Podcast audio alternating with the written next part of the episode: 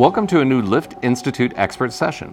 In this podcast series, experts from all around the world share their knowledge, experience, and views on different vertical transportation subjects. Today we have Carl van den Einden. He's the product manager of machinery at the Lift Institute, and we'll be discussing the revision of the machinery directive at the European Union. Welcome, Carl. Thank you, Kevin. Yes. Uh, so I have questions about the why, why the revision is occurring. But first of all, maybe we could talk about what the machinery directive is and uh, and how it affects us. The machinery directive is uh, there are essential uh, health and safety demands mm -hmm. for machinery yeah. in general way.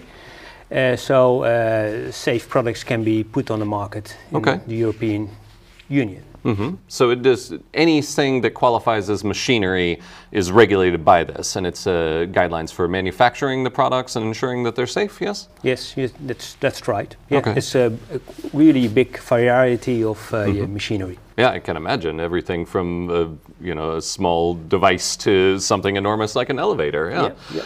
Uh, and why is the revision occurring? Have there been specific changes? Does it happen on a regular basis? Is both. Uh, it is uh, on a regular basis uh, by regulation done, mm -hmm. but also new developments in state of the art, mm -hmm. like safety software or for artificial intelligence. Okay.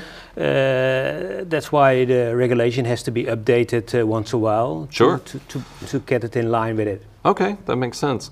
The current revision, uh, what stage is it in? Is it just about ready, just getting started? Uh, where are we on that roadmap? There was uh, already uh, started a few years ago an inquiry for mm -hmm. the machinery directive, mm -hmm. and from that uh, inquiry, the um, the Commission made a first proposal. Okay. And that was drafted up in April 22 of okay. 21. Mm -hmm. And stakeholders con, could comment on that Mm -hmm. And all those comments uh, the Commission is now dealing with and uh, making a new proposal. Okay. Will be the final proposal, and then the member states can vote on that. Okay. If they are accepted or not, will sure. accept it.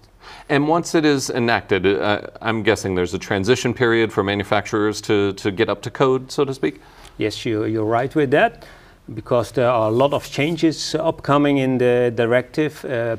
The stakeholders need some time to adapt that in okay. their uh, process. So uh, in the regulation now there are 13, 30 months uh, mm-hmm. written down.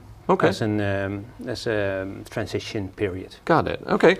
Well, thank you for that background. Now, what can you tell us about this specific revision? What are the important things to know about what's coming? What's coming up. Uh, mm -hmm. First of all, the, the regulation. It is a regulation, not mm -hmm. a mm-hmm. directive mm -hmm. anymore. So the member states have to implement that in their uh, in their national legislation one on one. Mm-hmm. So no changes okay. anymore. Okay. So that's a, a, big change, I think. Um, there are also uh, the the content is uh, totally reshuffled. So mm. all the articles, there are a lot of more articles in, okay. and uh, annexes are really changed. So that's that's uh, in from the, the, the administrative point of view a yeah, lot of changes. Just the organization of it yeah, is entirely different. But, but technical, there are also a lot of changes too. Sure. Yeah. What? Uh, tell me about some of those, both in general, but also specifically, what technical changes would apply to vertical transportation, elevators, and so on. Yes. Uh, I think first of all, it's uh, quite good to mention that uh, it's also applicable for, for lifts, of course. Mm -hmm. safety software is now uh, into the definition of the machinery directive. Okay. The same as uh, artificial intelligence, which mm. is now defined. So that's uh, things which is needed into the machine directive now. Yeah. Yeah. Uh, what is upcoming is, is, is really um, a change. Is that um, there is a certain annex into the machine directive for uh, dangerous machinery, mm-hmm. and uh, for the putting that kind of product on the market now, uh, also always is a notified body needed. Sure. In the current the directive, uh, they have a lot of opportunities to, to, to do that, but okay. now they have to need an uh, a notified body every time. Okay, yeah. There's also a conformity assessment procedure now for um, substantial modification that you just do the conformity assessment for the uh, substandard uh, modification uh, types -huh, of the machinery. Yeah. Mm -hmm. There are also um, the commission can now put uh, technical uh, documents mm -hmm. uh, by themselves when there are no harmonized, harmonized standardizations, for example. Mm -hmm. And they can there is a procedure added that they can change annex uh, the annex of uh, the dangerous machinery or the safety components Uh-huh. that they can change them during the during the, the um, applicable of the regulation that they Right, can change yeah. them during time Okay, in the, in the meantime, that Yeah. makes sense. Uh, now, a couple of times you've mentioned dangerous machinery, and uh, I'm, I'm interested in the definition of that. We like to think of our elevators as being very safe, of course, uh, but is there a definition, like what, what counts as a dangerous uh, machine?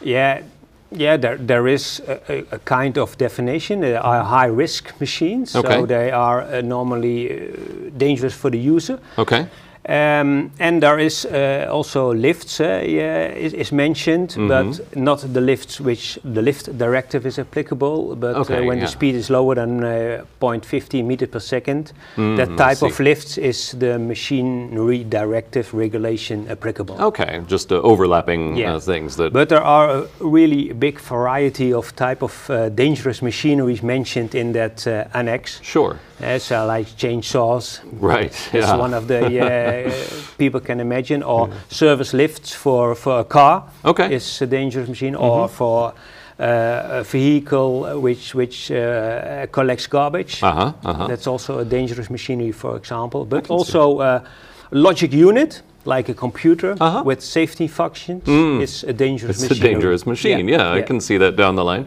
and and it's a good thing. It means that uh, we're we're treating these with seriousness just because of the hypothetical potential for for a, a hazard in the future, and making sure that it's properly inspected by the manufacturers and and also when it's out in the wild. Yeah. Yeah, yeah, that's true. Okay. Wonderful. Thank you, Carl, for doing this work, and uh, thank you for updating us on it. You're welcome, Kevin. Okay. And thank you for listening to this Lift Institute expert session. You can find more editions of our expert sessions in your favorite podcast app. Talk to you soon.